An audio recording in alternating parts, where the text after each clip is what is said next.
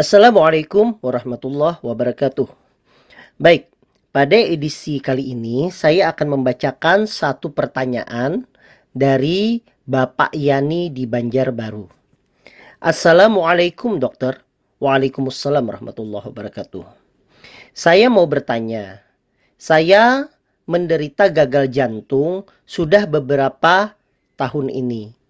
Dan oleh dokter jantung dikatakan bahwa saya harus mengurangi minum. Padahal kalau saya baca dalam beberapa artikel, manusia itu harus cukup minum.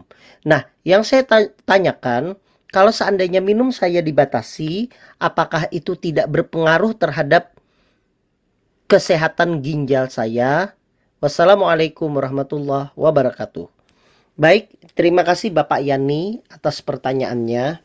Jadi dari pertanyaan ini kita bisa melihat bahwa Bapak Yani ini menderita gagal jantung dan disarankan untuk uh, tidak terlalu banyak minum. Nah, Pak Yani sendiri takut kalau seandainya minumnya itu kurang, maka katanya akan menyebabkan kerusakan ginjal. Baik, sebelum saya menjelaskan lebih lanjut, maka saya akan sedikit meluruskan tentang masalah kebutuhan cairan tubuh. Jadi selama ini menurut saya itu terjadi kesalahan persepsi di mana katanya bahwa manusia itu harus minum air 2 liter per hari untuk kesehatan. Kenapa saya katakan kesalahan persepsi? Karena sebenarnya kebutuhan cairan pada setiap individu itu berbeda. Kebutuhan cairan orang dengan berat badan 40 kg berbeda dengan orang berat badan 60 kg. Kebutuhan cairan orang yang bekerja di lapangan dengan orang yang bekerja di kantoran berbeda. Kebutuhan kalori orang yang hanya di rumah saja dengan orang olahragawan itu juga berbeda. Artinya tidak bisa disamaratakan bahwa kebutuhan cairan itu adalah 2 liter per hari. Nah, jadi berapa sebenarnya kebutuhan cairan itu?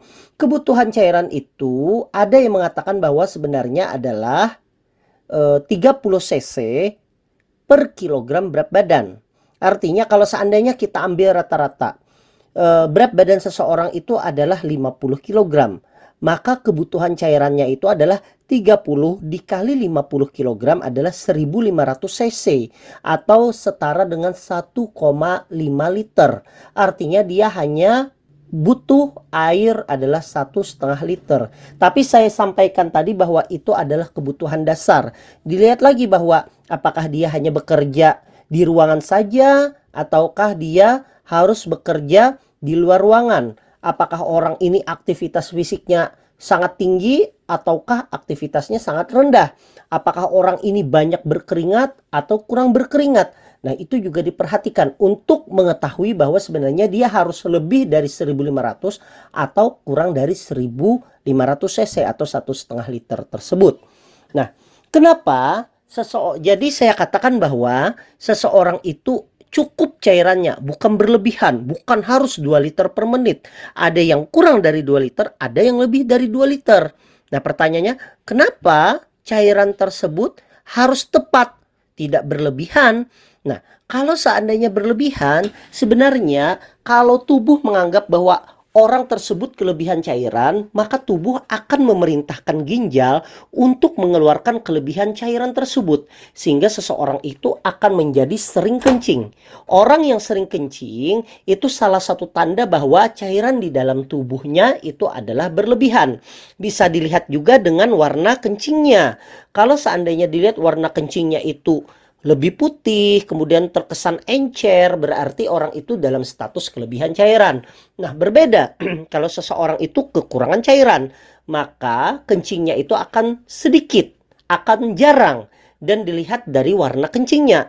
Warna kencingnya akan terlihat lebih ke, lebih berwarna kuning, kuning kecoklatan, kemudian dia terkesan seperti pekat Nah, itu adalah tanda bahwa seseorang tersebut sedang kekurangan cairan. Sehingga saran saya sebenarnya kebutuhan cairan itu adalah sesuai dengan yang pertama berat badan kita, yang kedua aktivitas kita, dan yang ketiga adalah bagaimana kita melakukan kegiatan sehari-hari. Nah, balik lagi kepada seseorang yang menderita gagal jantung. Orang yang menderita gagal jantung yaitu orang dengan kemampuan dari pompa otot jantungnya itu menurun. Karena pompa otot jantungnya itu menurun sehingga darah yang dipompa itu juga tidak maksimal.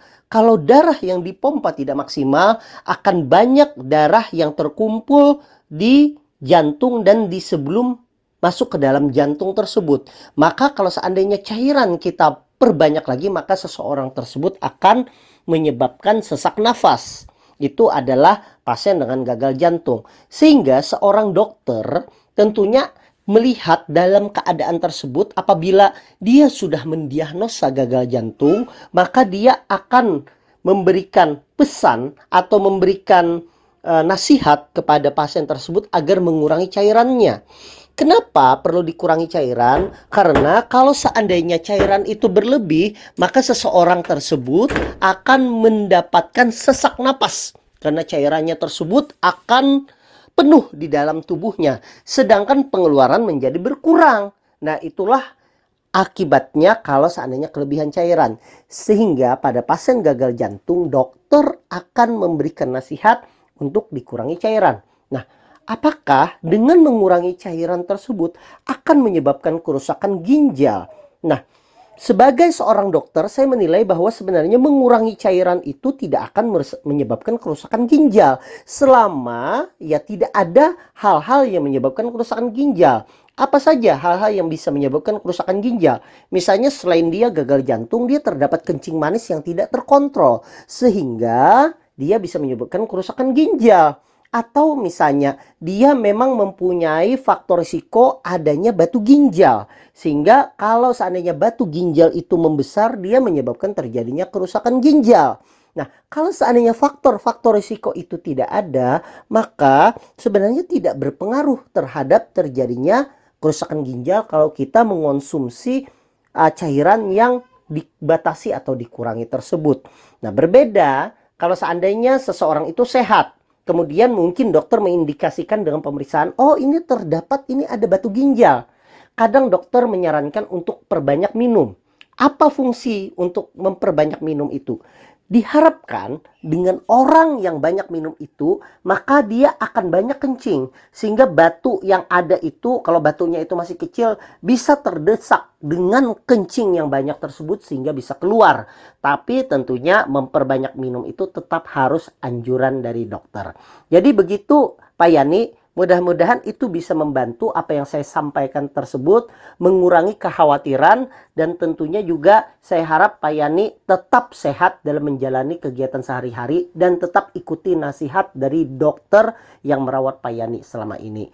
Demikian edisi kali ini, semoga bermanfaat untuk kita semua. Saya tutup. Wassalamualaikum warahmatullahi wabarakatuh.